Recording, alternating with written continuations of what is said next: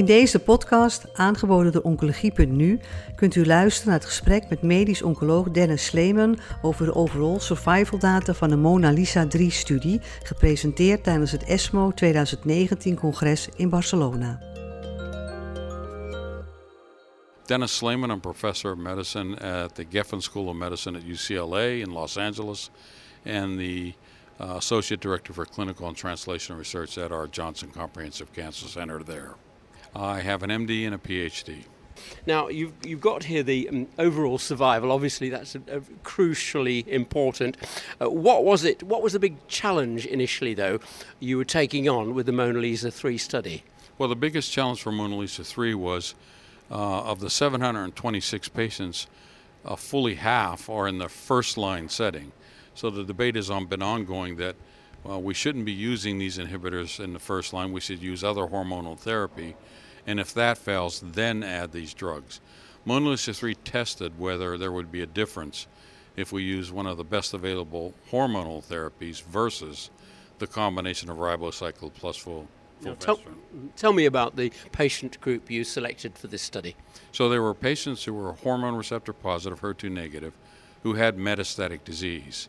Um, those who had not seen prior chemotherapy or hormonal therapy, as well as those who had at least one line and they were eligible.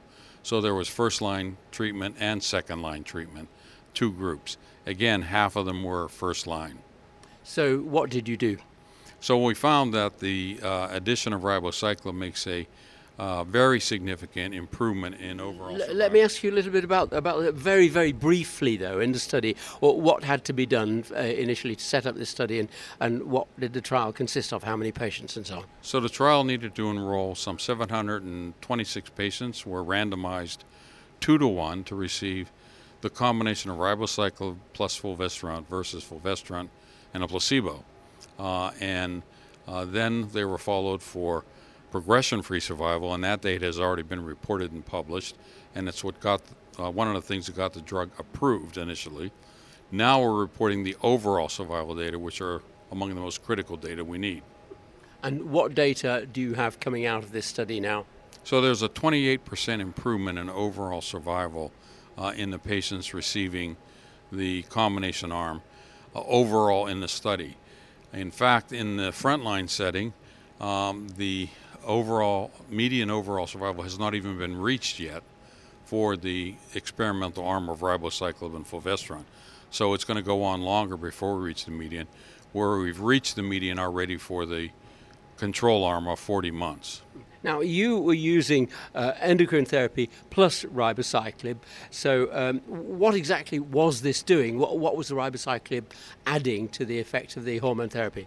So it, ribociclib attacks a whole separate pathway that seems to be important in these uh, this subtype of breast cancer, which is the largest subtype, hormone receptor positive, HER2 negative, and ribociclib hits the RB cyclin D uh, CDK4/6 pathway that regulates uh, entry into the cell cycle. And I think hitting that pathway now we have evidence clearly.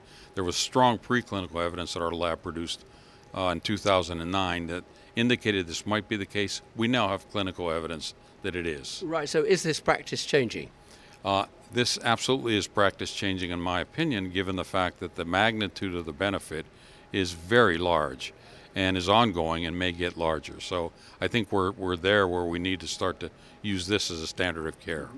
A word about toxicities. What were the additional toxicities? So the toxicities are what have previously been reported with ribociclib. There was nothing new that was seen with longer follow-up. Neutropenia is the major toxicity.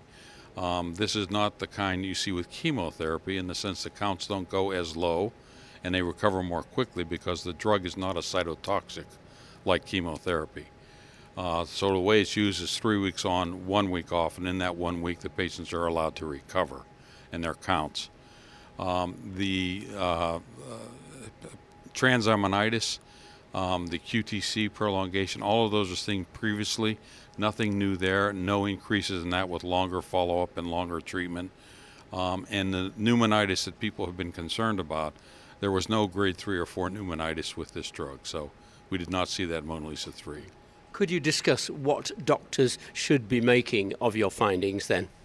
I think this does represent a new standard of care for this population of patients in the sense that we now not only have progression free survival data, but overall survival data that indicate that um, these patients benefit in a significant way if they receive the combination up front.